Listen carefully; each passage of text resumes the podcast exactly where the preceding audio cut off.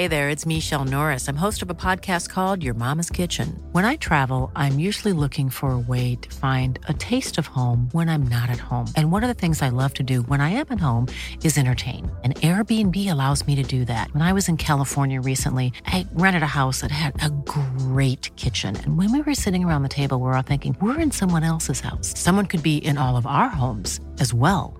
If you have a home, but you're not always at home, you have an Airbnb. Your home might be worth more than you think. Find out how much at airbnb.com/slash host.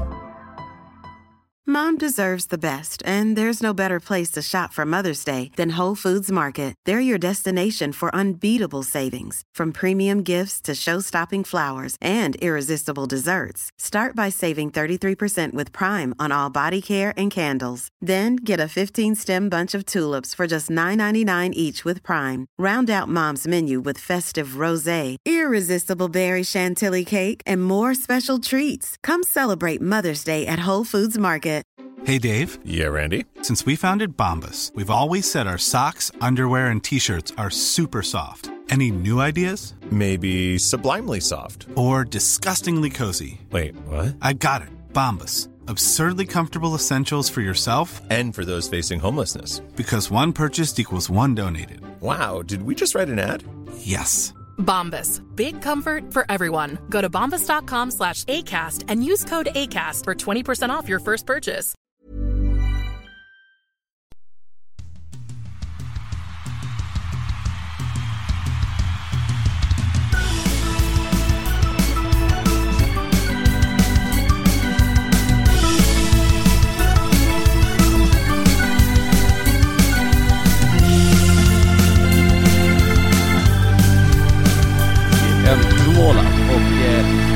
Gick, gick inte att få ihop. När det var över du Fredrik. Hur fanns det där? Eh, ja men det kommer att gå utmärkt tänker jag. Eh, det vilar ett lugn över den här inledningen när det bara är två av tre. Eh, det ska sägas att vi väldigt gärna har Dagen med såklart, men det här är ju den logistiken som är kring oss som jobbar med det här är ju rätt spektakulär. Med man finns på olika platser i Sverige, tar sig till olika ställen och därmed kommer då de här konsekvenserna. Någon ska åka tåg, någon flyger, någon bilar, någon är vidare. Så att det här uppstår ibland. Nästa gång så är det jag som sitter på något tåg eller så. Så att eh, vi får klara oss ändå. Det, det är ju så att någon av oss tre är nästan alltid i rörelse med tanke på att vi har spridda scheman. Folk eh, har annat att göra förutom att podda och göra huvudmatcher i Hockeyallsvenskan. Så det, det dyker upp andra saker. En sak som dök upp igår, att Fredrik, vi har jobbat tillsammans nu, är det tredje säsongen det här var, om jag inte minns helt fel. Stämmer bra. Har ju fortfarande inte riktigt någon bevis på att jag har åkt bil med dig vid tillfälle där det bevisas att du har körkort. Du skjutsar mig liksom en 50 meters sträcka någonstans här. Igår kväll kunde du lika gärna bara ha kört en tjuvkörning utan körkort. Tyckte så lite onykter ut också faktiskt. Nej, nej det ska vara det inte. Men eh, jag har åkt bil med dig två gånger. Då var det 50 meter ungefär båda gångerna. Och det, det är ju frågas ett, eh, min eh, trovärdighet till dig som bilchaufför. Har du ett körkort? Jag har ett körkort, jag har dock ingen bil och det är inte någon sån här Greta Thunberg-tendenser utan det är jag är ointresserad av bilar, jag eh, behöver ingen bil i min vardag och jag kan ingenting om det men jag kör ju bil ibland, jag behöver det och då då förvånade folk ibland. Johan Hedberg i Örebro, tidigare Mora, sa till mig, och då har jag känt han i stort sett hela mitt liv. Eh, en gång när jag kom upp till Mora så frågade han, vi gjorde match där, så sa han, hur, hur kom du hit? så ja, jag har kört bil. Har du körkort? Eh, ser ju jämt dig på cykeln. Så att eh, de reagerade. men det gick bra att köra. Jag njöt av färden hem genom natten innan det är halt och snöigt. Dock eh, paniskt rädd för att det ska kliva ut en stor älg. Man ska vara försiktig när man kör bil. Det gick bra. Dock var det så att jag plockade upp Daggen vid hotellet i Gävle. Du hade redan åkt till arenan. Eh, och då lyckades jag köra eh, mot enkelriktat in i Gävle. Men jag tycker liksom att det kan väl inte vara kriminellt. Jag, ska ju flika in här eh, den andra sidan av den här storyn. För enligt Daggen, så när han gick in i din bil så tjöt det som att det var en polisutryckning. Att det liksom motorlampan lös och vindrutetorkaren gick och du fick ett slag på dem. Du hade igång varningsblinkersen. Liksom att, han sa att det var som att gå in på ett sjukhus när det blir ett nödlarm. Det bara...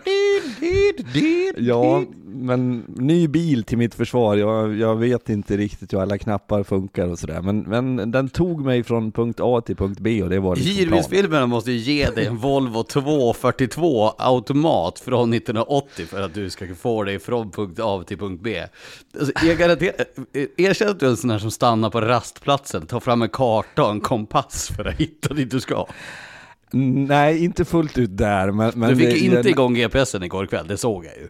Ja, nej det fick jag inte och inte den där förbannade farthållaren heller för det ser ju olika ut på varje bil. Hur svårt ska det vara att liksom ha en knapp någonstans som styr det där? Eh, och, och dessa liksom automatiska saker. Men de är jättetrevliga där jag hämtar min hyrbil, vi ska alltid snacka lite hockey, de har sina analyser. Och sen tänker jag varje gång jag går ut att om de bara visste vad den här ska ut på för äventyr. Men det brukar sluta lyckligt och det gjorde det den här gången också. They will never see this car at this point again. Vad Du sa det om älg, du har ju åkt i min bil. Eh, Jag har ju en, Mm. en modell större bil för vi har barnvagn och vi har, har även hund som ska in där. Och du har ju sett det här fräna, jag har ju det här Ja. mörkersiktet. Ja, ja, ser det ut som känns som att vi är på älgjakt när man åker med dig. jag, jag har ju, jag har ju sån här, eh, det är ett infrarött ljus, det kallas för night vision. Men då kan man se liksom älgar och djur i, i, med en värmekamera. Och det kan jag säga, det räddar en väldigt mycket när man kör på Norrlands inlandsvägar och sånt i, i, i hockeytider. Eh, nog om bilkörning till eh, en eh, motor som behöver kanske ett motorbyte.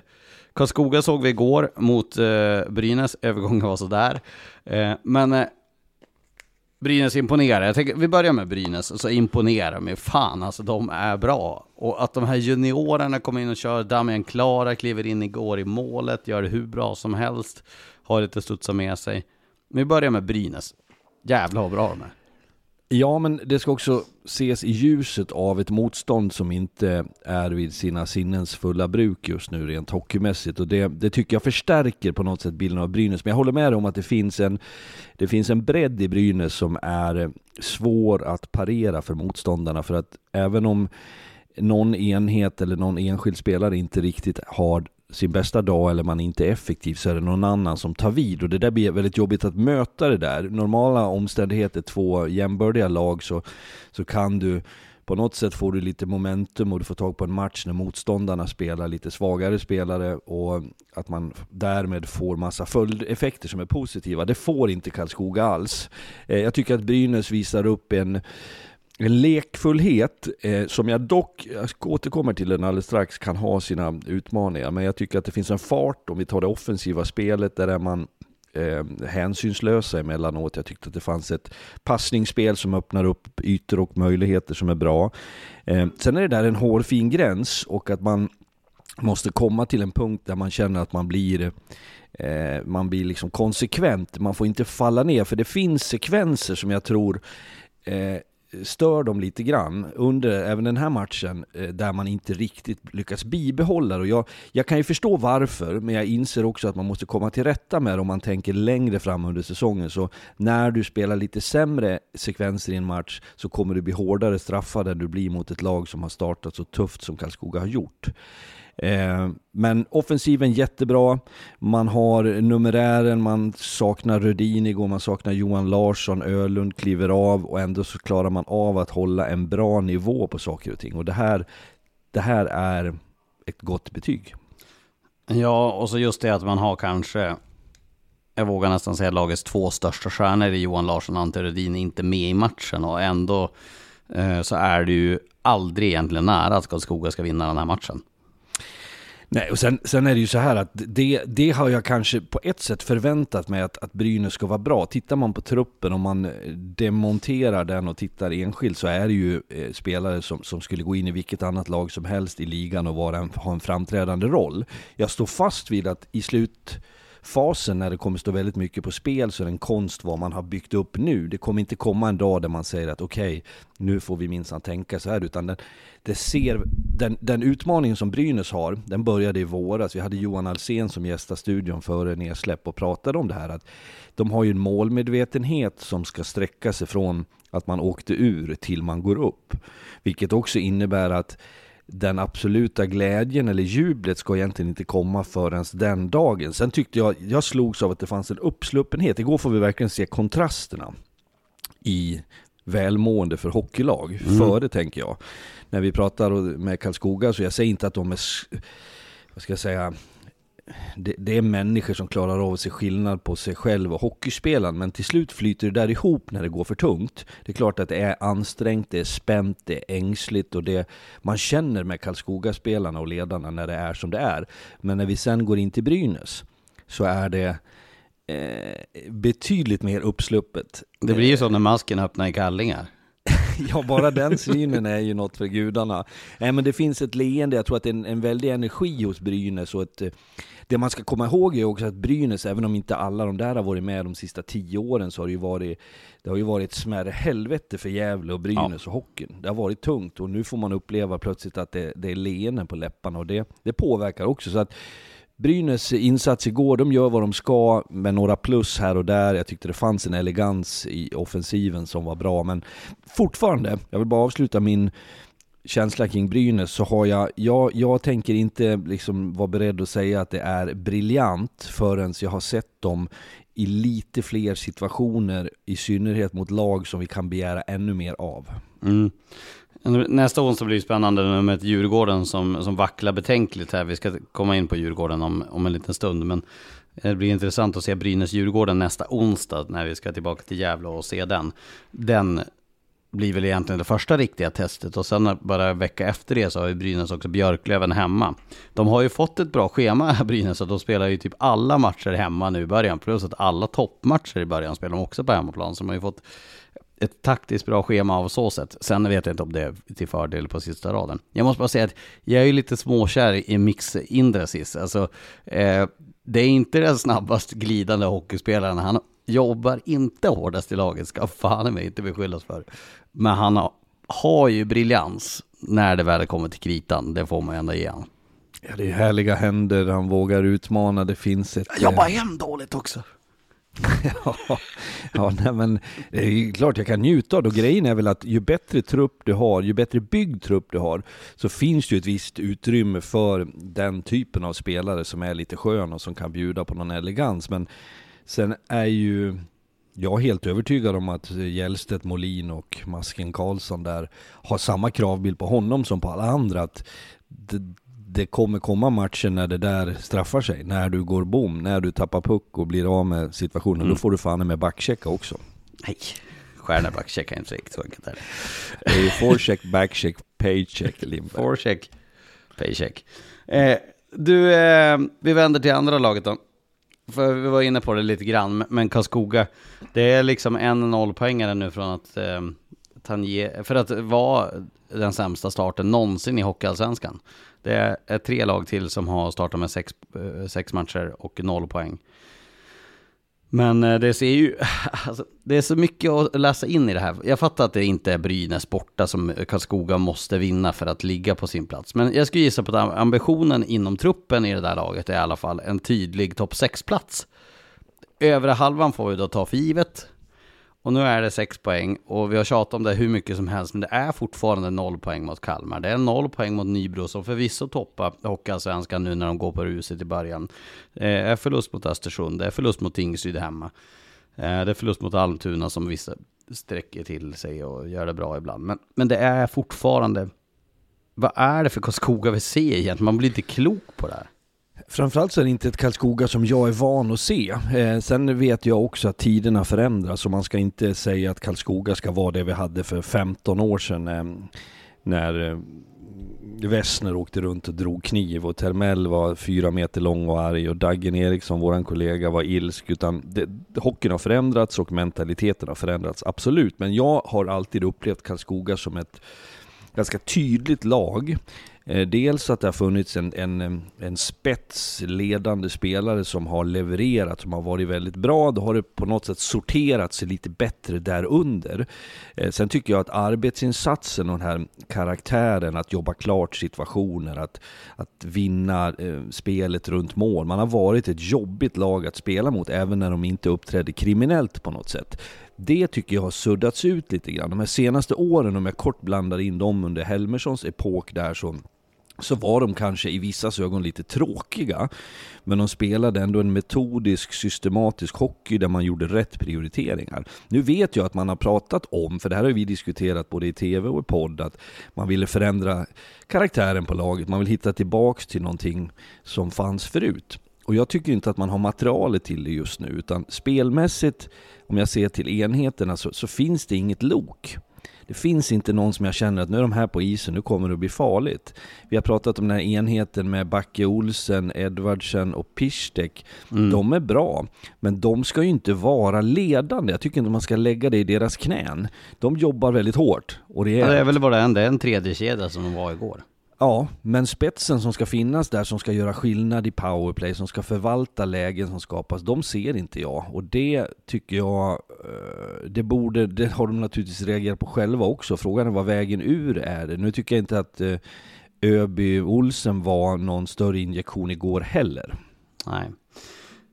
Men du är inne på det, alltså om man kollar på de tilltänkta spetsspelarna. Svenningsson värvar man ju från Modo, eh, som har varit en kontinuerlig 25-30 poängspelare de senaste säsongerna.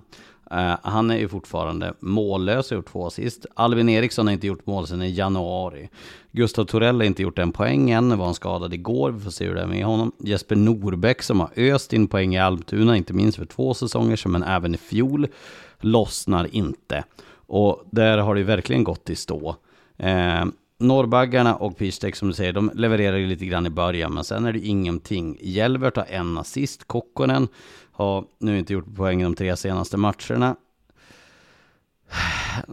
Nej, alltså det här, eh, Rickard Olsén tycker jag ser vim, vilsen ut. Jag tycker att eh, Henrik, eh, Henrik Larsson försöker. Det är ju han som ska vara den pulsen som ska ryta till i det här laget. Om jag ser på det här laget. Men det vill sig ju inte heller. Lyckåsen försöker, det händer för lite. Nej, alltså, jag, jag, jag, tror att det kommer bli en riktigt tuff vinter där för Karlskoga. Riktigt tuff är min magkänsla. Slutsatserna på sex spelade matcher är ju det, givetvis. Eh, jag, jag slås av en sak också under matchen igår, att de spelar en, en hockey som känns... Eh, jag tycker de gör saker, eh, de är på rätt ställen, de är samlade i sitt beteende, det finns siffror som pekar på att man har till exempel som med powerplay, att man är, där är man 0% men man är ett av de bästa, om inte det bästa på att ta sig in i zonen. Alltså man, jag vet inte riktigt hur jag ska förklara det här, men jag får en känsla att man spelar utifrån ett tänk mm. och man följer en viss mall som man eh, tror på.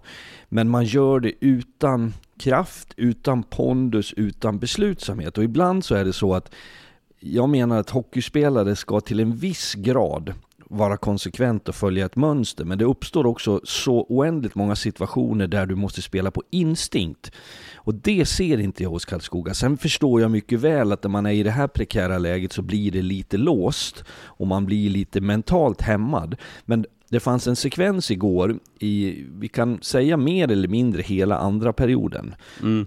Men för att vara mer fair så tar vi bort någon minut i början och någon minut i slutet. Men där var Karlskoga, tycker jag, riktigt bra. Och hade man mött ett sämre lag än Brynäs så hade man säkert fått bättre utdelning. Verkligen. Eh, för, för där tyckte jag att man körde. Man, man, vi hade någon analys i paus efter första där man spelade på utsida, man hamnade i powerplay, man tog fem avslut från samma position, där samma Brynäs-spelare kunde blockera skott relativt enkelt. Och det här blir så förutsägbart. Och det är just någonting som jag tycker Karlskoga har varit bra på förut, att de har varit oberäkneliga. Mm. De har följt ett, en plan, ett spel, absolut, men de har adderat någonting mer. Det ser inte jag. Sen vet inte jag än om det är så enkelt att de är mentalt hämmade, att det är spöken som påverkar, men det det får inte vara, alltså förr sa man, var det våran kära kollega Niklas Wikegård som uttalade sig på den tiden, man kunde säga ah, saker att kasta handväskan och kör, så ska man Mm. inte säga, men man ska åtminstone kasta eh, bleka tankar och köra. Den Kasta mjukiskläderna kanske man kan säga. så kan vi säga, Mm. så kan vi säga, passa bättre i dessa tider. Mm. Eh, och verkligen få, få lite tryck i grejerna. Någonting som jag inte riktigt blir klok på i den här matchen är att eh, vi står ju mellan båsen, man känner vibbarna från lagen, man ser Brynäs som du är inne på, de är i en helt annan sinnes, eh, sinnesstämning och vilket lugn de verkar ha i gruppen, men det är klart det har man ju efter fyra och nu fem raka segrar. Då gick jag in i Sport Logic, det är det här avancerade statistikprogrammet som alla tränare och alla, alla ledare i svensk hockey egentligen har tillgång till på elitnivå och som även vi har. Och då, då står det liksom att det är en jämn hockeymatch. Eh, alltså till, sett, till, eh, sett till chanser att, eh, ja men Karlskoga de har sina sju A-chanser, fem B-chanser och det är liksom sju riktigt bra målchanser, fem halvbra.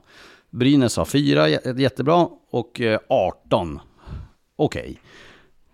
Säger mig ingenting. Och så står jag där mellan båsen. Jag tänker verkligen, det finns inte ett tillfälle under matchen förutom efter det att Brynäs gör 1-0. Innan det har ju Karlskoga något eh, powerplay. Men det finns inget tillfälle där när jag ens tycker att det är nära att Karlskoga ska vinna den här matchen. Nu har jag sagt det två gånger, men jag, vill ville inte åka på den bussresan hem till Karlskoga efter matchen igår, för jag... Man ser ju i ögonen på folk att folk lider ju. Alltså det ser, det, och jag, jag vidhåller det här att jag, jag, tror, jag tror inte att det är Dennis Halls fel.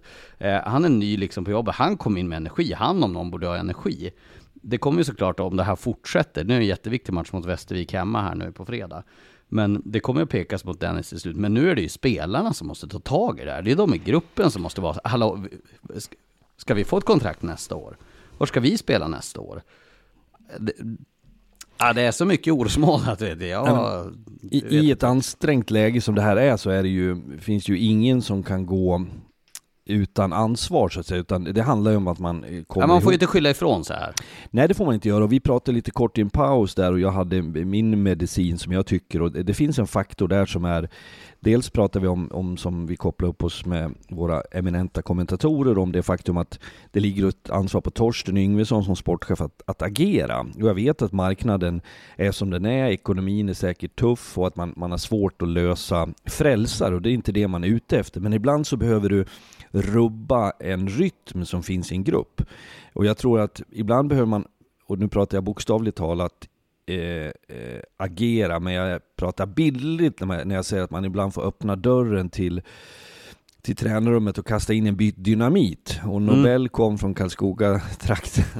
Eh, Så det borde ha Ja, tillgång. Och, eh, och, och med det menar jag agera. Alltså det kanske är så att någon, och då, då tror jag man tänker så här, innan man gör sig av med någon så måste vi få in någon. Jag har faktiskt varit med om att man har löst eh, en, en första knut genom att faktiskt skicka en spelare. Och man kan tycka att det, är olustigt för det är människor, eh, men, men det här är elitidrott och det står så väldigt mycket på spel för att du ska liksom frigöra lite luft i gruppen. För ibland kan det vara det som är problemet, det inte det är någon som kanske blockerar, det behöver inte vara någon idiot till människa, men spelmässigt är det någon som har en roll som, som blockerar andra och du kan få lite fart på det. Det jag menar egentligen, utan att gå in på detaljer, är det måste ageras. Sen har tränarna såklart en roll.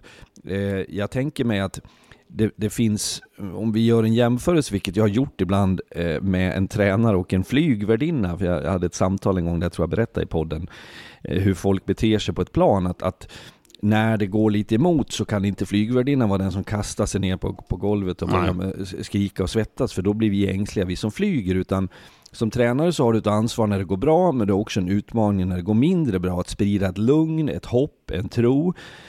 Och det har tränarna naturligtvis eh, väldigt mycket att jobba med och jag vet av erfarenhet själv att, att det är en ensam känsla, man mår inte bra. Den där bussresan du pratar om är, är tuff. Men man delar det också med en grupp och ett lag och du är inne på det, spelarna själv. Det måste ske en markering där internt att man inte tolererar det här. Eh, och att man också är beredd att göra någonting åt det. Mm. Och, och jag frågar ju mig själv lite grann vem det är som, vem det är som eh, ställer de kraven. Men, men jag, jag tror att eh, det här är att det här är en stor stukad grupp. Skulle de förlora mot Västervik på, på fredag, nu tror jag att det här går säkert att samla eh, krafter, men det är ju, det är ju återigen, det är ju en match som Karlskoga måste vinna. Det går inte att säga det på något annat sätt. Den måste de vinna. Ja, sen är det ju det här som vi har sagt förut. Ja, det blir ju med- 45 matcher efter. Ja, jo, jo, men det är också med det här, ditt, ditt förtroende blir naggat i kanten. Spelarnas, ledarnas, klubbens, i en tid, tuff omvärld med ekonomiska utmaningar så, så får det följdeffekter. Det är inte bara så att de kan kavla upp ärmarna och, och, och säga att ja, men okej, nu vänder vi på det här så det är frid och fröjd, utan du blir ju nedtryckt på ett sätt som gör det här oerhört jobbigt. Vi har ju sett det här förut på lag naturligtvis som hamnar i, i besvärligheter. Sen finns det något undantag och jag är helt övertygad om att i, internt i gruppen när de samlas idag efter kanske en natt med lite dålig sömn, så, så har man ju ingen annan väg ut. Man ska komma ihåg det att, att för lagen, för spelare, ledare, så är de i ett och samma rum. Och de måste hitta en väg ut ur det. Och då är det att jobba så hårt som möjligt. Jag, jag minns när Kristianstad hade den här starten, vi ska snart lämna det här ämnet, men, men Kristianstad hade ju en liknande start här för var det två säsonger sedan när de gick till den där kvartsfinalen mot Modo där de hotade dem i den sjätte matchen. Men eh, eh, under de sex matcherna så, så pratade jag med tre av motståndarna och jag, jag såg majoriteten av de, de där matcherna. Och alla sa ju det att Kristianstad är så jävla bra. Att de, alltså, de kommer att bli riktigt livsfarliga. Och efter det där så blev de ju hur bra som helst när de väl fick det att lossna. De fick ju en otrolig islossning på kontos. De fick ju Malte Sjögren och Eh, Herman Hansson. De här flög ju och Dickov var hur bra som helst i mål. Ja, det var mycket grejer som var bra där. Jag ser ju inte riktigt eh, det av Karlskoga än så länge, även om de inte har varit klappkastare i alla matcher. Men det, det är bekymmersamt, det är det definitivt. Ja, sen gör det ju rent matematiskt, eh, utan att jag fick Nobelpriset i ekonomi till Alfred Nobels minne, så kan jag ändå säga att du ska liksom, för att komma någon vart i en tabell när du har halkat efter så får du en helt annan eh, eh, tyngd i att du måste vinna så många matcher i rad för att det ska hända någonting Ja. eh, och ta dig förbi lag. Och nu är det ju dessutom så att några av de lagen som många hade förväntat sig skulle ligga där Karlskoga ligger, Nybro, Kalmar, var är de någonstans?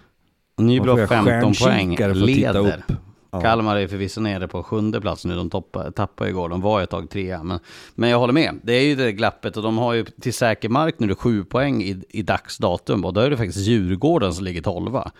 Eh, det säger ju också en del. Men eh, jag tänker att vi kommer inte komma någon längre på Karlskoga här. Vi, vi, jag tror folk gen- generellt har förstått att eh, det är lite bekymmersamt i Karlskoga. Och det är ju det laget som, som får dras med den tuffa motvinden. Och det ska bli synnerligen intressant att se dem på fredag. Eh, ska vi gå till Even on a budget, quality is non-negotiable. That's why Quince is the place to score high-end essentials at 50 to 80% less than similar brands. Get your hands on buttery soft cashmere sweaters from just 60 bucks, Italian leather jackets, and so much more. And the best part about Quince, they exclusively partner with factories committed to safe, ethical, and responsible manufacturing. Elevate your style without the elevated price tag with Quince. Go to quince.com slash upgrade for free shipping and 365-day returns. Mom deserves the best, and there's no better place to shop for Mother's Day than Whole Foods Market. They're your destination for unbeatable savings, from premium gifts to show-stopping flowers and irresistible desserts. Start by saving 33% with Prime on all body care and candles. Then get a 15-stem bunch of tulips for just $9.99 each with Prime. Round out Mom's menu with festive rosé, irresistible berry chantilly cake, and more special treats. Come celebrate Mother's Day at Whole Foods Market. Wow! Nice. Yeah! What you're hearing are the sounds of people everywhere putting on Bombas socks, underwear, and t-shirts made from absurdly soft materials that feel like plush clouds. Yeah, that plush. And the best part? For every item you purchase, Bombas donates another to someone facing homelessness. Bombas. Big comfort for everyone. Go to bombas.com slash ACAST and use code ACAST for 20% off your first purchase. That's bombas.com slash ACAST. Code ACAST. Djurgården nästa då. Djurgården mot, eh, mot Västerås igår. Vi var ju bevakade Djurgården på nära, platt, på nära håll i, i fredags. Och då kan vi väl säga bara för att ha i, i, i minne inför det att de skulle möta Västerås idag så gjorde de en, en match mot Mora förra onsdagen. Nollade hemma på Hovet. Eh, jag skulle inte säga att de var utbuade då, det var kanske någon spridd sådär. Men det var en ganska jämn hockeymatch där det stod ju 1-0 till Mora ganska länge. Sen blev det en powerplay-mål där från Jetman och company. Eh, men framförallt så var det ju en riktigt usel start på den matchen för, för, för Djurgården. Och sen åkte vi till Östersund, bevakade dem på nära plats eh, i, i fredags, Fredrik. Och, och, vi kan väl börja med intrycken där, vad, vad, vad vi lärde oss av Djurgården förra veckan. För det ligger ju uppenbarligen kvar lite grann till den här veckan. Jag blev väldigt förvånad över hur Djurgården såg ut i Östersund. Med tanke på den där eh, besvärliga förlusten mot Mora. Eh, det kan hända eh, att man får ett bakslag och det uppfattas som ingenting är där man saknar glöd och passion. Men det vi sa inför Östersund-Djurgården var att det var två lag i lite samma situation som hade säkerligen markerat och diskuterat i gruppen. Man hade tittat på på video gått igenom mål och sagt att det här är inte okej. Okay. Vi måste förändra oss, vi måste ta oss ur det här. Och just bara för att flika in Östersund, där var man väldigt noga när jag frågade, för jag rörde mig där på förmiddagen med bland spelare och ledare och, och lyssnade och tittade. Så sa man att eh, det är prestationen, vi måste göra en bra prestation. De trodde inte riktigt på att vi ska kunna slå Djurgården, eller alla var inte övertygade om det, utan det var prestationen för att ha någonting att ta, ta vid på. Så går man ut och gör en väldigt bra match mot ett Djurgården som jag tyckte där och då uppträdde apatiskt är ett starkt ord, men det var en, en trött uppsyn. Jag tyckte man började eh, den matchen slarvigt, man var inte synkade i, i det höga försvarsspelet. Man, Eh, man är lite loj i det fysiska spelet och en sån där litet tecken som kan reta mig som har tränarådran i mig att eh, man börjar lägga lite mellan benen passning bakom ryggen till varandra. Det var, det var en skön attityd som åts upp av Östersund som var bra. Och då tänker jag så här. Eh, jag åt frukost där på lördag morgon med, och då dök KG Stoppel upp så vi pratade lite. Jag såg att han var frustrerad och irriterad, Garpen. Eh, har ju diplomatisk uppsyn men, men känslan var att det här var inte okej. Okay. Och sen sa någon igår, det var du eller om jag läste det, att de ska ha haft någon form av skarpt möte innan avresa från Östersund. Mm. Då tycker jag att man kan förvänta sig mer. Nu var vi inte på plats, men det som är, när jag tittar på Djurgården också, tittar på siffror, man, man skapar, jag tror man skjuter 45 skott igår på mål. Ja. I, Ian Blomqvist, absolut bra. Men det är lite av symptomen som vi ser hos Karlskoga. Att det är man är inte riktigt inne i skiten. Och en sak som blir uppenbar på mig, jag vet att Garpen var ute och var fundersam, man hade för få powerplay tyckte han. Mm. Ganska tidigt, om det var efter tredje matchen eller någonting. Jag har själv varit i situationer där man kan tycka att man är orättvist behandlad. Sen börjar man titta lite djupare på det där och grejen är lite grann att för att få med dig utvisningar, det vill säga få powerplay, så måste du vara på ytor där motståndaren tvingas spela tufft och fult på dig. Det får du inte när du är på utsida. Du Nej. får inte det med dig. Och det, får, det, det, är någon sån här slentrian-tripping, att du råkar dra klubban mellan benen eller något För all del, men då ligger de på en eller två eller möjligtvis tre på en match. Men ska du liksom verkligen få den där att motståndarna plågas och tvingas ta, tvingas ta till övergrepp i rätt sak, så är det ju när du ger dig in på skarpa områden. Och där tycker jag att, att Djurgården ser för, för bekväma ut just nu. Mm. Nej, de har ett rejält problem där. Och, och sen fortsätter de ju att laborera i kedjorna. Nu såg vi på, på backsidan igår så får de in att både Pontus Johansson, lån från eh, Frölunda som ska spela här i, i två veckor i, i Djurgården. Kalle Odelius var in i laget och även Alexander Ytterell. Och visst, de adderar ju där på backsidan. Det var ju minst sagt eh, behövligt. Men det är fortfarande kedjor som inte sitter och det är fortfarande jag menar, mot Östersund i fredags, de har ju tre stolpskott, men förutom det så är det ju, ja men som du säger, arbetsinsatsen, den är ju väldigt låg. Det är ju ingen vidare kvalitet på den. Östersund vinner ju den matchen jätterättvist. Östersund gör en jättebra match, men Djurgården är ju inte, det är inte så att de mosar ett topplag. Och nu då 0-2 igen, nollade två gånger på Hovet, det brukar ju sällan eh, slå ut positivt.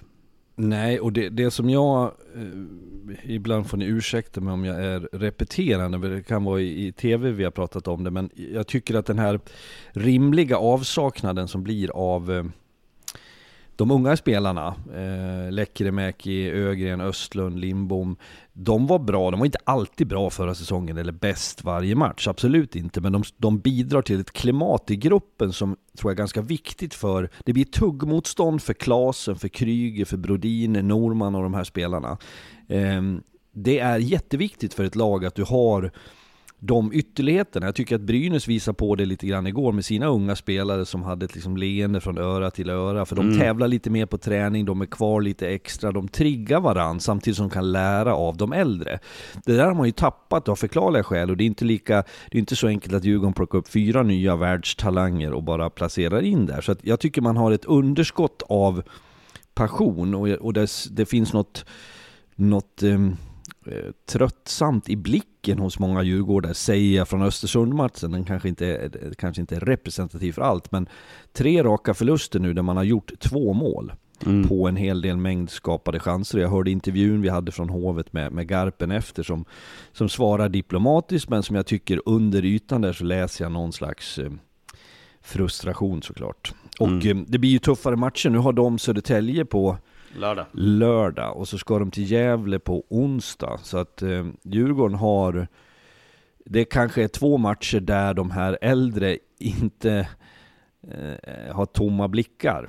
Nej men för det hade de ju verkligen inte premiären mot, uh, mot Björklöven. För, för då är det 8094 på Hovet och då är det ju det såklart. Men det är det något vi har lärt oss i Hockeyallsvenskan så är det ju det ska du gå upp så ska du bli etta. Och då måste du plocka de här poängen mot lag som ska ligga Såklart. på tionde, elfte, tolfte plats. Och det går inte att folk åker runt och jagar sina andra assist och ska vara sköna i poängligan då. Eh, Djurgården och Björ- Karlskoga, de två lagen som vi har ber- berört i negativ aspekt här, det är ju de två lagen som ännu inte gjort mål i powerplay. Nybro har gjort mål i powerplay, de har gjort ett. De led ändå Hockeyallsvenskan, ska jag tillägga, med ett powerplay-mål gjort. Det är ju faktiskt sjukligt imponerande. Eh, eh, Eh, vart ska vi gå härnäst då? Ja men Västerås kan vi ta lite kort på. Eh, de blir man ju verkligen inte klok på. Jag tycker att man har sett dem bra i stunder. Vi vet att Konstantin Komarik är, är jätte, jättebra. Nu hade de dragit ner, dragit upp Hutchison i, i första kedjan där och eh, flyttat Shane Gersic ner till kedjan med Topping och Engstrand. Laborera om lite grann där. Elias Pettersson kom in förra veckan. Det är ju en super, super spännande back. En defensiv sådan, en tvåvägsback som kommer göra sjukt bra grejer den här säsongen. Men jag blir fortfarande inte riktigt klok på Västerås. Nej, jag har ju i grunden en, ett, en uthållighet i, i hur jag ska värdera Västerås just med tanke på att man har skaffat väldigt mycket nytt. Det är ett nytt, eh, nya tränare på bänken och det finns ledande spelare som ska, framförallt nordamerikaner som behöver akklimatiseras till både svensk hockey, till det kollektiva, till eh, rinkarna och så vidare. Så att jag tror att Västerås, det kommer att ta lite tid, det har jag varit inne på från start. Men jag har också sett dem på nära håll. Jag tyckte att mot Södertälje när vi var på plats så stod man för två perioder och en overtime som var som var bra. Det fanns en kraftfullhet tycker jag i spelet och, och det var rätt spelare som tog plats och gjorde bra saker. Sen har det varit något sämre resultat däremellan, men jag tycker att, att åka och slå Djurgården, förvisso inte i sitt bästa slag, är ändå bra. Så att nu gör vi Västerås AIK på fredag kväll. Det ska bli jätteintressant att se dem än en gång på plats med allt vad det innebär. Så att jag, jag, kan, inte, jag kan inte dra någon slutsats än på Västerås. Det som är med Västerås, det här är schemat. De vann alltså Almtuna hemma 4-1. Ja, starkt. Vinna mot Almtuna, ett, en, ett lag som många tror kommer att vara en uppstickare. Så möter de Brynäs i andra matchen. Det var den här, de, hade kunnat stå 7-0 till Brynäs efter den första perioden. Ändå får Västerås eh, komma tillbaka i den där matchen. Lindbäck släpper någon billig. Eh, och så sen då blir det 4-4 och Brynäs vann i förlängningen. Sen mötte de Södertälje borta. De var den här idiotiska starten på matchen mot, eh, mot eh, SSK i deras hemmapremiär där de var helt utspelade. Sen blev de bra. Sen mötte de Björklöven på hemmaplan. Jättebra hockeymatch.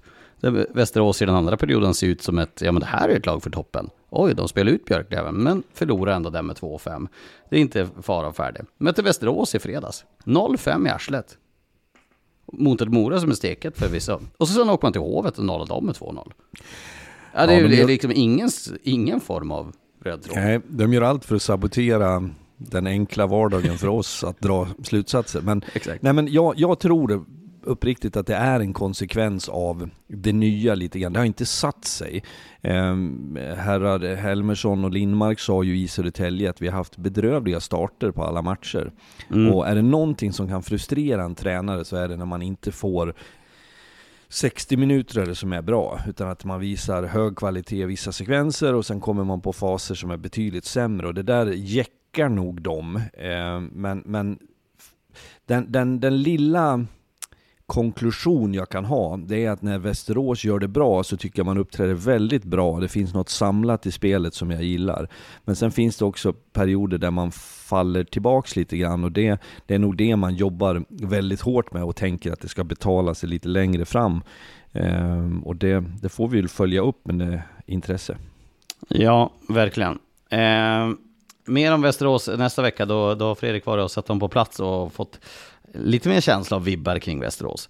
Nu, nu tycker jag att vi tar det. För nu är det ju så här att det är ett lag.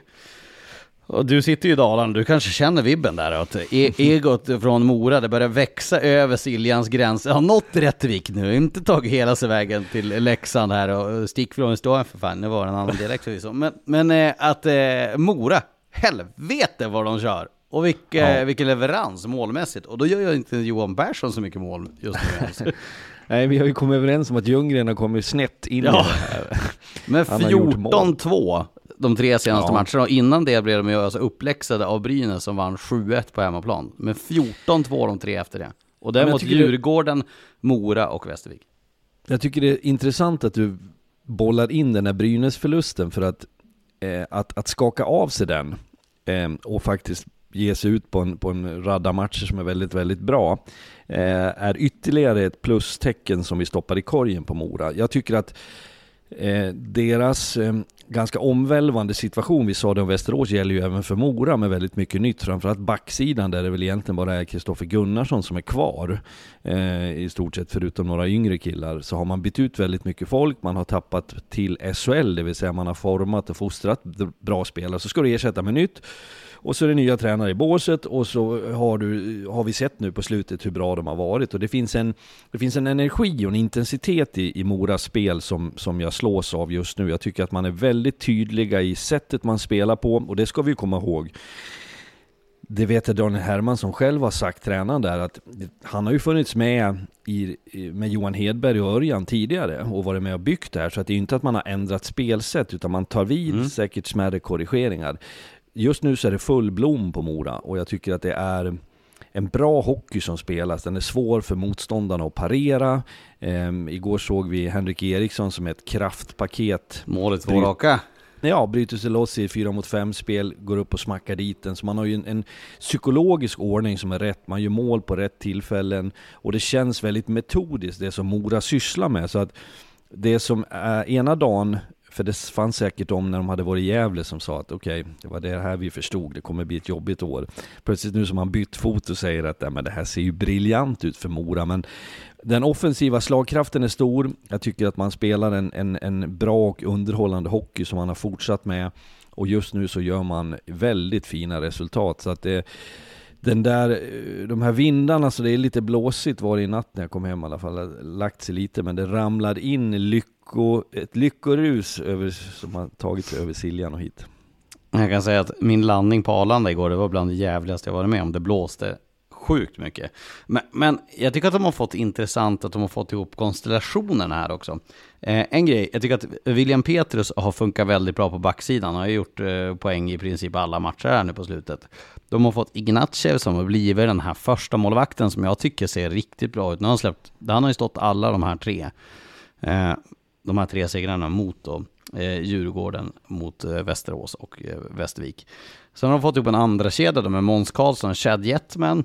Grinig rackare det där.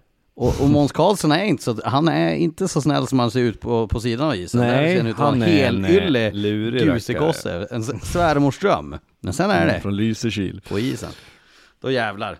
Eh, och så vill man Borvik där i, i, i, den kedjan, tycker jag. Eh, nu har han inte fått poängmässigt att lossna. Han, han spelar där nu, han, han missade två matcher här förra veckan såg jag. Men det ser bra ut. Henrik Eriksson i en tredje med Levinsson och, och Modig. Så, så har du de här Brandsägg, Nygård, Petter Westerheim och Noah Sten. Det är en norsk formation. Det är ju det. Och, och minst sagt talangfull sådan. Ja. Och då har ju faktiskt Brandsägg Nygård inte gjort poäng sen premiären. Nej men och där tror jag att du delvis har det jag var inne på vad gäller Djurgården, att de här um, unga killarna där som kör och som är väldigt drivna stimulerar säkert också de äldre farbröderna där i form av Ljunggren, Persson och Karlsson. Ålderdom är ett relativt begrepp här. Jag tycker också att Jakob Norén som kom in från Modo. Ja, vilket smart, vilket Jättebra. otroligt smart lån av Mora.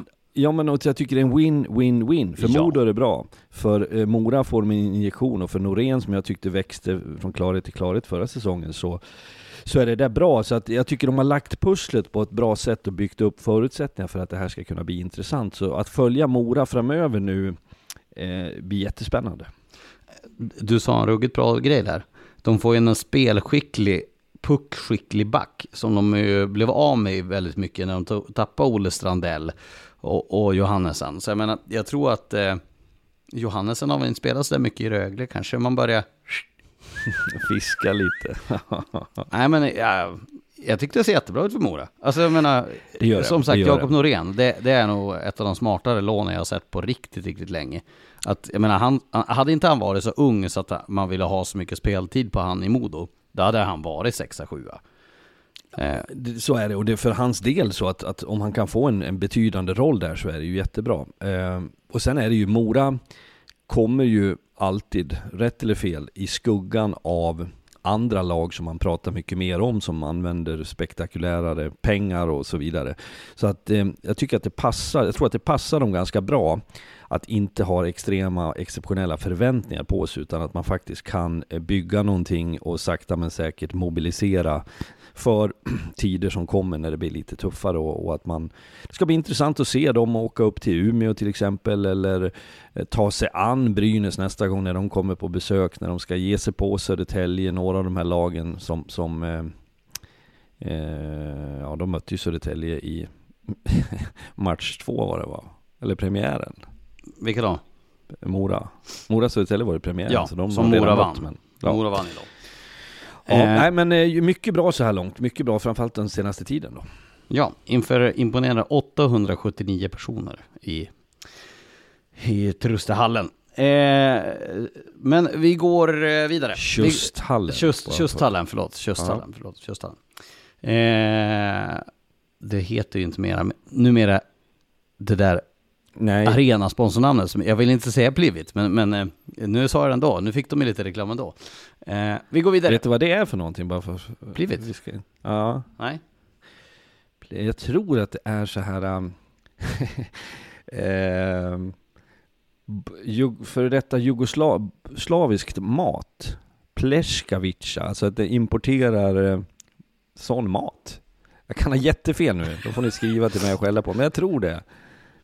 Plivit Trade. Vi, Ja, men- vi lämnar det. De är inte kvar skriv, va? skriv till at, at uh, Fredrik. rink, Ringside-podden. Ja, okej. Ja, den, ta den så där. svarar jag på det. Det Du- säkerhetspersonal som sorterar ut det. Nu går vi i alla fall till Dackehallen. Vi tar oss det väster. gör vi. Och, Ehm, eh, och där eh, vann Tingsryd mot Björklöven igår. Hade ju en 3-1-ledning. Men eh, jag såg om den här matchen i natt och, och både jag och Daggen var rätt in, intresserade av det här. Så jag tror att han eh, satt in och kikade in lite grann också. Och vi kom överens om på frukosten att fastän Tingsryd gör det jättebra. De spelar ju, får ju långa anfall, de får hålla, okej de kanske får hålla sig lite på utsidan och sådär. Men det är en jättebra match mot, eh, mot Björklöven. Björklöven ska vi prata om sen. De, de gör en riktigt usel match. Men eh, eh, Tingsryd jobbiga att möta. Rör på pucken, rör på benen. Jag vet att tränare Anton Mietinen sa tidigt till mig under försommaren, eller sommaren kanske det var, att man, han pratar på ett bra sätt om att det handlar om att förvalta det kapital som man har, den trupp som man besitter, man behövde få utveckling, man behövde få tydlig identitet, sådana här saker som kan låta lite flummigt och lite luddigt. Eh, jag tycker man har bevisat det, att man får ut väldigt mycket av så här långt de spelarna som man har. Jag tycker man spelar en, en frejdig och stark hockey eh, och jag tycker man sätter motståndarna på prov. Sen är det ju så att spetsen för alla lag spetsen ser den olika ut. Några tjänar 200 000 i månaden, inte i Tingsryd, men i ligan för att vara spets. Några tjänar 25 000 i månaden eh, för att vara spets och är spets. Så att det är allting relativt. Men det, det som det känns är att Tingsryd har, har fått fart på sina spelare. Man inledde matchen igår med att göra 1-0. Eh, Lukas Lagerberg som de senaste veckorna har spelat i två lag. Han måste ju ha spelat mest matcher i Hockeysverige förutom de som kör J20 och dubbla på helgen och SHL. Ja, och du och jag tycker att vi reser mycket. Han har rest ännu mer. Jag såg något så här schema att han spelar där den dagen, där nästa dag och så vidare. Och det, det verkar ha gjort honom gott. Och är du ung kille och älskar hockey så, så blir du glad av sånt där och det går av bara farten. Sen han ska bara till Malmö för match ikväll som du var. ja, precis. Eh, sen pratar vi om, om Felix Olsson och Harry på försäsongen som spelare som bakåt i tiden var väldigt bra i, i Tingsryd som inte riktigt fick fart igen förra säsongen. Men om de nu kan hålla upp en viss nivå, och, och för vi vet att deras eh, liksom, leverans är hög när de mår bra och när de hittar rollerna, så, så är ju det sånt som är jobbigt för lagen att möta. Och sen är det ju den här faktorn som man kan tycka vad man vill om, men att komma ner till Tingsryd och spela, det gäller att Tingsryd tar fördelar av att man tycker att det är en jobbig resa, det är långt att åka, det är en kall hall, det är ingen lyx och elegans, det är inte prosecco och röda mattor som rullas ut, utan här är det att, att hugga in och försöka hantera Tingsryd. Och det, det har man ju så här långt visat på ett bra sätt. Så att jag, jag kan inte annat än säga att Tingsryds start har varit med beröm godkänd. Nej, och som du var inne på, Felix Olsson har gjort fyra mål här de tre senaste matcherna. Börjar få igång det där. Eh, det blir ju Rydén som har blivit första valet, får väl ändå på något sätt säga. Och här, de har inte förlorat under ordinarie tid sedan premiären borta mot Nybro. De, de vann Karlskoga borta, eh, tog, med, tog poäng mot Djurgården hemma, förlorade förvisso i förlängningen där, men fick med sig poäng. Vann AIK borta förlängning, och nu vann man då eh, Björklöven hemma förlängning. Då har de mött alltså AIK, Djurgården, Karlskoga och nykomlingen Nybro som toppar tabellen. Så det har inte varit någon dans på rosor så här långt för Tingsryd. Nej, verkligen bra inte. Med poäng. Ja men det är det, och det, sen gäller det att de inte i sin tur går i fällan och blir, eh, ska vara någon skön mot lag där man kanske tycker att man är jämbördig. Och, för, för det går inte. Sen, sen finns det ju några uppsidor på ett gäng spelare som de har plockat på sig. Semjonov som vi såg när han kom upp i AIK, kommer från Lindlöven var det under säsong. Mm. Och slog oss lite grann med häpnad. Han har en kapacitet att leverera och göra mål. Melker Eriksson var i Kristianstad, känns som en reslig, förståndig sak. Olhaver, vad är han, 5 meter 24 centimeter typ. Han, han spelar så också, det är det jag ja, han, han, han använder sin storlek. Verkligen, och det där är ju Ja men jag tycker man har plockat på sig lite spännande saker. Sen tror jag fortfarande inte att Tingsryd är ett liksom topp 8-lag givet på något sätt. Men här ser man också, för att koppla ihop det med några andra resultat, ditt välbefinnande, din mentala status till skillnad från Karlskoga eller Djurgården just nu så, så, känns det som att det finns en viss harmoni hos Tingsryd eh, och den, den ska inte underskattas. Och om vi kollar till motståndet då, eller det, det är ju så roligt, är det någonting jag älskar så är det, är det fans, hur man svänger fort som tusan. Det var, det var ett fan från eh, Umeå som jag läste, skrev det efter Västervik-matcherna. I år är året, och så igår läste jag samma person skrev, vi åker ur. men, ja. men Björklöven, det är ju, det är ju Almtuna hemma som jag, eh, som jag har förstått och det jag har sett av den matchen så är kanske det inte en, det är inte en fullständig katastrofinsats, även om den inte är bra. Men eh, första två perioderna i den här matchen eh, mot Tingsryd är ju riktigt, riktigt illa från Björklövens sida. Riktigt, riktigt illa. Och tro mig när jag säger det här att eh, på 52 omgångar så har du en handfull matcher där du som tränare känner en extrem frustration och rent av ilska för du tycker att här här kliver vi ut, man har det här gamla klyschiga, vi satt kvar i bussen eller om det nu är på flyget, men att man mentalt inte är med från start. Och det, hur mycket man än har pratat om det och hur mycket man än uppmärksammar så blir det sådär ibland. Så att jag har svårt att dra slutsatsen att Björklöven skulle vara kattskit plötsligt för de här senaste två insatserna. Jag ser ju istället, och det här är ju än mer irriterande som tränare, när du kommer ut en match och ser ut på det där sättet, för att sen skruva upp intensiteten och ta i fatt eh, och faktiskt få en kvittering så, så vet jag att det här har vi kunnat gjort från start. Hade vi agerat så från första nedsläpp så hade den här matchen sett lite annorlunda ut. Så att jag tror att det föder en del frustration i och runt gruppen. Eh, sen, sen är jag inte beredd att, att placera Lövenspelarna på Stora torget i Umeå och kasta sten på dem för det här. Men jag tror att de kommer vara ganska tuffa på varann, att det inte är okej, okay, utan att förta någonting av det Tingsryd gör, för att det bidrar ju naturligtvis till den matchbilden som, som den blir. Men eh, du som eh, insuper lite reaktioner från omgivningen, kan Ja, förstå dem. Det är svårt att undvika dem med tanke på att jag bor i Umeå och min sambo är från Umeå. Eh, men eh, jag, jag skulle inte säga att det är eh, helt hopplöst av dem som man hör, de som pratar, men, men framförallt det som når en är ju en ganska rejäl frustration på att eh, Ja, nu har ju Voutilainen, han har ju stått alla matcher. Melker Thelin har inte fått chansen än. Han, har vis, han var borta en av matcherna förvisso. Och Voutilainen kanske mår jättebra att stå alla matcher. Voutilainen är en jättebra målvakt. Om vi börjar där. Han han är en stabil målvakt, kanske en av de bästa i ligan till och med. Men jag skulle, det skulle vara intressant att, att kolla ut hur många matcher som, som Jonna Voutilainen har stulit. Och med stulit då menar jag som Carl Lindbom gjorde förra säsongen i Djurgården. När det är ett lag som är utspelat, eller en målvakt som vinner matchen. I princip helt ensam. Du förstår exakt vad jag menar när man stjäl en match. Numera finns det ju statistik på det. Jonna Voutilainen är oftast jättebra, men jag har väldigt få minnen av matcher där Jonna Voutilainen vinner matchen på egen hand. Där det är en så dålig insats att de matcherna kan bli räddad av en riktigt bra målvakt. Då tänker jag typ som Emil Larmi i Växjö. Jag tänker på, Han Ja. stjäl ju verkligen både matcher och annat för övrigt. ja han skäller ju det ena och det tredje. Han, verkar ju ha samlat i prisskåpet där hemma. Nej men där, där tror jag ett problem är i Björklöven.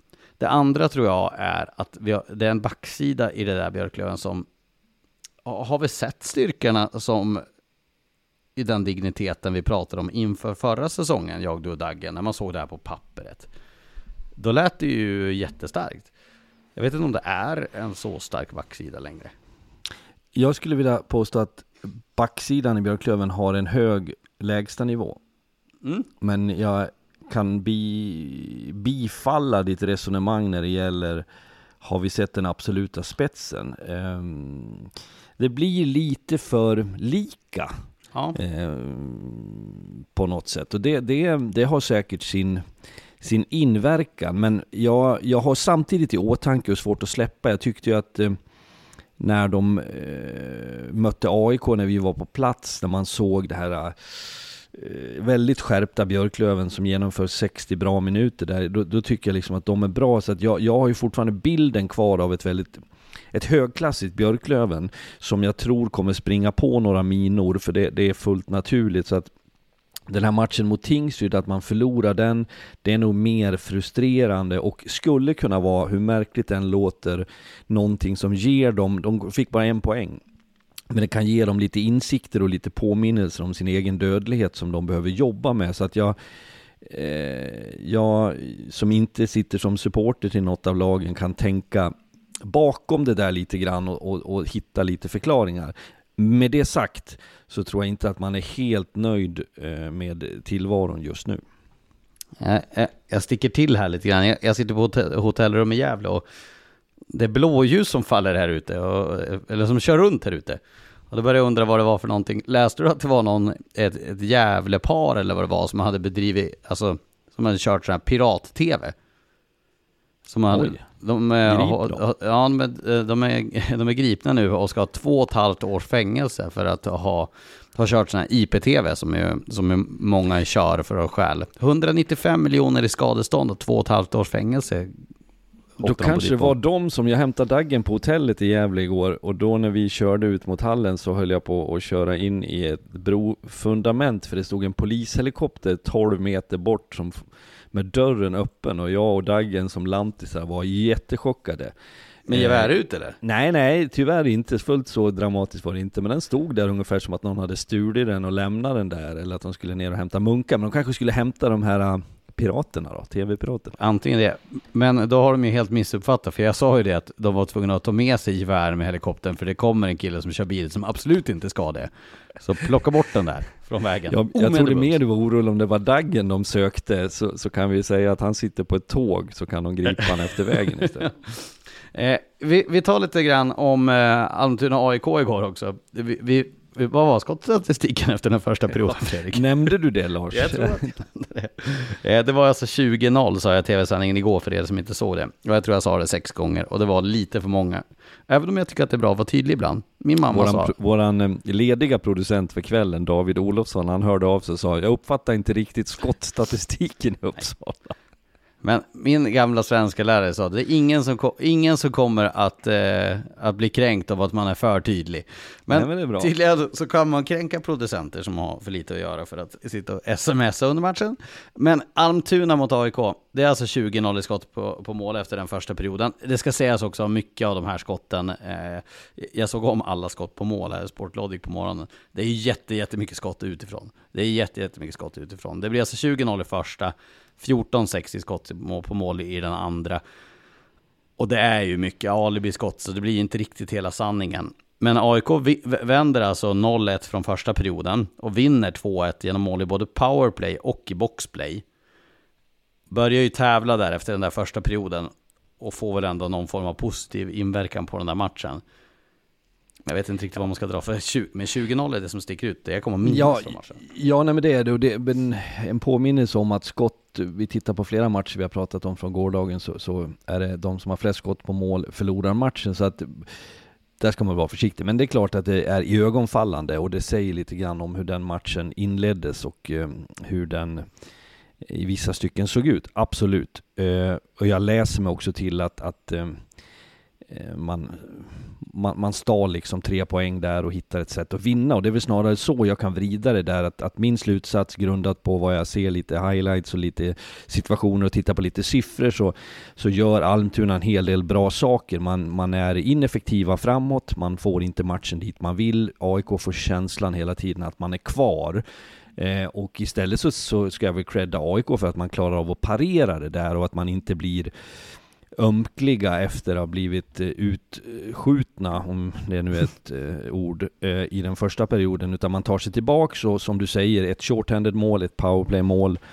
Man förlorar matchen i 5 mot 5, men det går ut på att ha flest mål på tavlan när 60 minuter är spelade och det klarar man av. Så att AIK är ju, det sa jag under sändningen igår också, jag har svårt att att läsa in AIK fullt ut. Vi, vi såg dem i, i Nybro göra mycket bra saker, sen, sen har man besvär med Tingsryd hemma, men och bara för att få säga det igen då, jag vet inte för vilken gång i ordningen. Det är tidigt, det har inte satt sig. men, jag tycker Att, men jag tycker ändå att AIK har fler bra egenskaper under den här hösten än för ett år sedan. Ja, Brandon Truck gjorde inget mål eh, eller poäng igår. Första poänglösa matchen. Gynge väntar vi fortfarande på första målet, men har gjort sex assist, så han kommer undan med det. Men det viktiga för AIKs del är att de vinner. Och det blir intressant, vi får höra mer eh, av dig Fredrik om AIK nästa vecka när vi har gjort dem på fredag på plats. Eh, Sen har vi Kalmar då, som fortsätter att gå starkt, för de hade ju ledningen igår och eh, Theo Sharidis gjorde poäng, han är uppe på 12 poäng nu, leder poängligan. Med lite marginal ska vi faktiskt säga. Eh, men eh, det blev förlust igår. Östersund tog andra raka segern och jag ska säga här att jag har inte hunnit se den här matchen, så jag, jag kan inte uttala mig om spelet alls. Ja, jag Men, roade mig på morgonen här över en kopp kaffe och tittade lite grann där och ser eh, ett eh, Kalmar som jag tycker är furiösa i sitt sätt att spela på. Det finns en, en intensitet, en skridskoåkning, en, en energi som är eh, jag ska inte säga att den är anmärkningsvärd, men det, får det pausa mig. dig? Får jag pausa Ja. dig?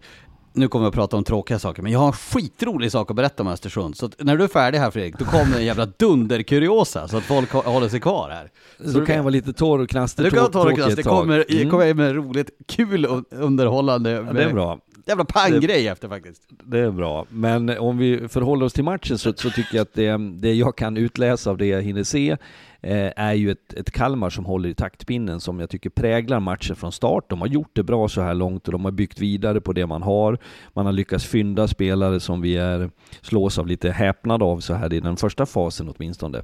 Gör det bra, jättebra. Jag blir dock eh, eh, lika förtjust i vad jag ser av Östersund som har bytt fot någonstans efter den här turnén de hade med tre förluster när man slår Djurgården och man märker också vad konsekvenserna av att vinna en sån match hemma eh, stärker dem. De var plötsligt ett par decimeter längre allihop och några kilo tyngre.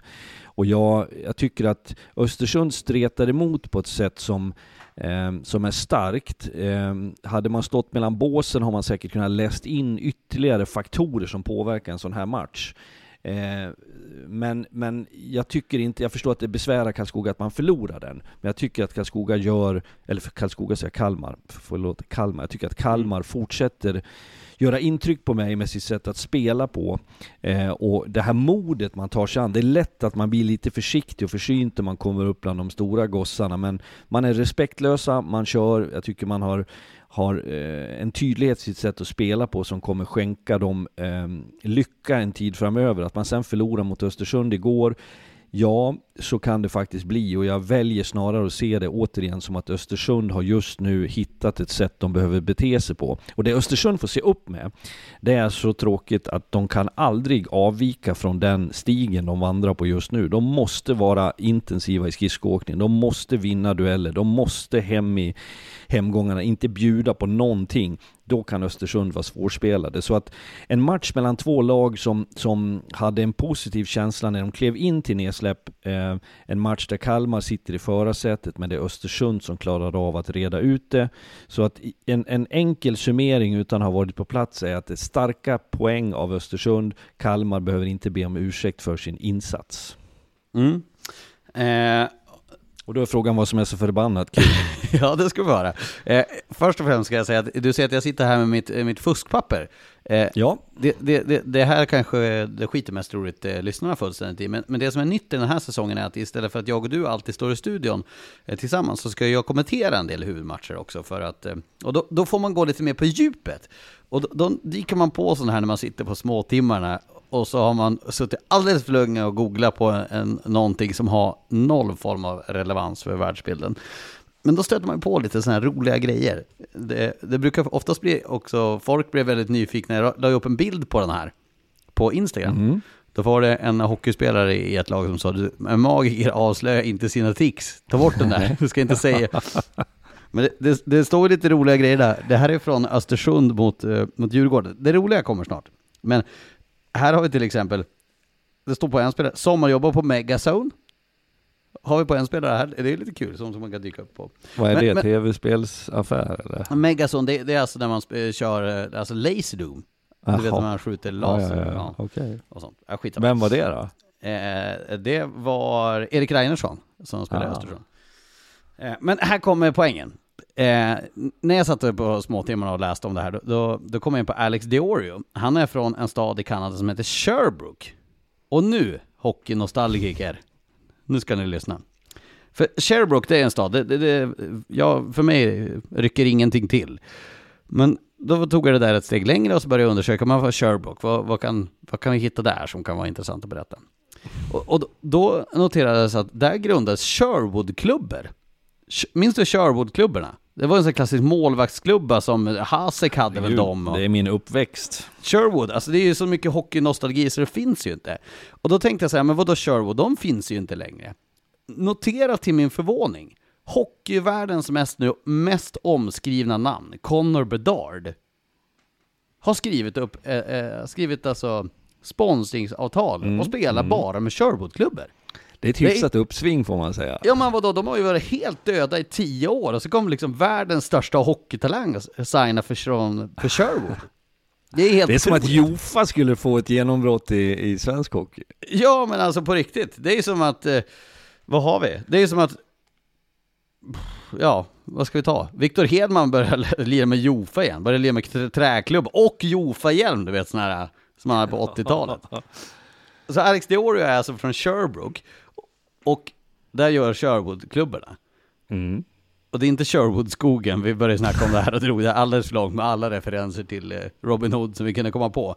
Men alltså att Connor Bedard har signat med Sherwood, det, det var för mig mindblowing. Jag var helt säker på att de var stendöda. Ja, och det här är ett fantastiskt sätt för dig att gå från Kalmar som då mötte Östersund, Diorio, Bedard, Sherwood, och då är jag helt Så man en storyteller. men det, jag är helt ointresserad av NHL dessvärre. Eh, men eh, det var egentligen det vi hade att bjuda på den här veckan, för jag måste resa vidare. Jag ska göra Luleå, och, Luleå mot Modo i, ikväll. Jag måste bara säga, helvete vad de mår i Örnsköldsvik. Jag var i Örnsköldsvik efter matchen, de vann ju mot Frölunda i, i lördags. Och Örnsköldsvikarna, de har haft det kämpigt de här åren i Hockeyallsvenskan, men det, det är en en tilltro till sitt lag där nu som är sällan skådat. Nu åkte de Luleå borta med två ordinarie centra borta. Jag tror ja, det blir en riktigt tuff uppgift ikväll. Den kan bli eh, en rejäl utmaning. Jag, jag hör från lite modoiter som, vi har ju haft ett eh, varierande förhållande under de här åren jag har jobbat med TV. Eh, lite bitska kommentarer när jag inte har trott på det och eh, glada tillrop när jag har sagt att det har varit bra. Men eh, ett par stycken som ändå ödmjukt hör av sig. Sen är det ju en eh, som eh, envisas att man ska bjuda mig och Daggen på pizza på någon lokal pizzeria där vi ska njuta av eh, eh, Alfred, Hem, Alfred Hems eh, enorma framgångar som de tycker. Så att eh, det, det är härligt om det blåser positiva vindar över Övik eh, och eh, starten har ju varit eh, över all förväntan tycker jag. Mm. De, att döma av lördagen så har vi väldigt många som fortfarande lyssnar på Ringside trots att de har gått upp i SHL. Så vi säger ju ett vinkande hej till dem som, som bemödar sig att lyssna på oss ändå och tycker att det är intressant att höra att Tingsryd går starkt, men de kanske är här för att höra att de tycker att det är kul att Löven förlorar. Ja, de har säkert olika skäl till det, men det, Att det är Garpen bra är arg. Ja, precis. Ja, det, han fick ju, han kommer inte ha en veckas semester där på, i Höga Kusten-trakten med familjen, det tror jag inte. Jag, jag, får jag flika in en rolig grej till? Jag var ju och spelade in ett inslag i Örnsköldsvik i tisdags och då, det ska gå till hockeylördag som nu går. Jag ska snart sluta så det jag lovar. Men då gick vi runt i arenan och så hade vi inte bokat så många intervjuer. Då tänkte jag, ja men vi kanske stöter på någon. Vilka stöter man på i den där lokalen? Ja, Hasse Jonsson, gamla storbacken. Och så där sitter Niklas Nordgren, han är junioransvarig. Och så helt plötsligt där, det går Timander. Och efter det så, då skickade jag ett sms. Jag skickade ett sms till Niklas Sundström, fick en selfie från Niklas Sundström, att han satt ute med jägarbössa mitt ute i skogen. Och då hade de just skjutit en älg. Det var notan som hade skjutit den. Nu, nog om det, nog om det. Ja. Är vi klara? Jag tycker det. Vi har fått en summering. Vi, vi, mi- mitt eh, intryck så här långt är väl att eh, vi, vi, jag kan inte slå fast eh, någon given stig. Det är, det är fler lag som överraskar positivt som vi hade kanske trott skulle ha en tuff start. Några av de större drakarna eh, har fortfarande inte hittat den där tydliga vägen framåt. Så att det är fortfarande mycket att läsa in och se. Jag tycker underhållande hockey. Vi har sett många bra spelare. Så att eh, det, det, är, det är en bra början på den här säsongen.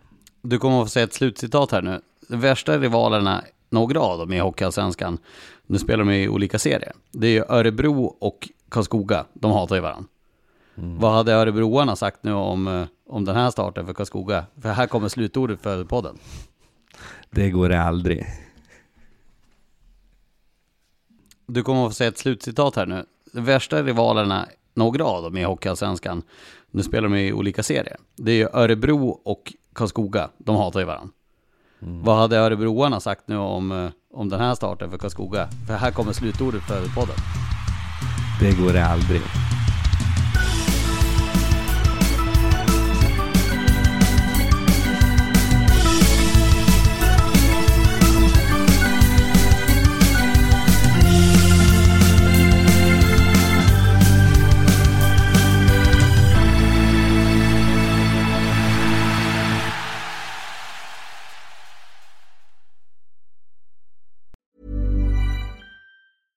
Mom deserves the best, and there's no better place to shop for Mother's Day than Whole Foods Market. They're your destination for unbeatable savings, from premium gifts to show-stopping flowers and irresistible desserts. Start by saving 33% with Prime on all body care and candles. Then get a 15-stem bunch of tulips for just $9.99 each with Prime. Round out Mom's menu with festive rosé, irresistible berry chantilly cake, and more special treats. Come celebrate Mother's Day at Whole Foods Market.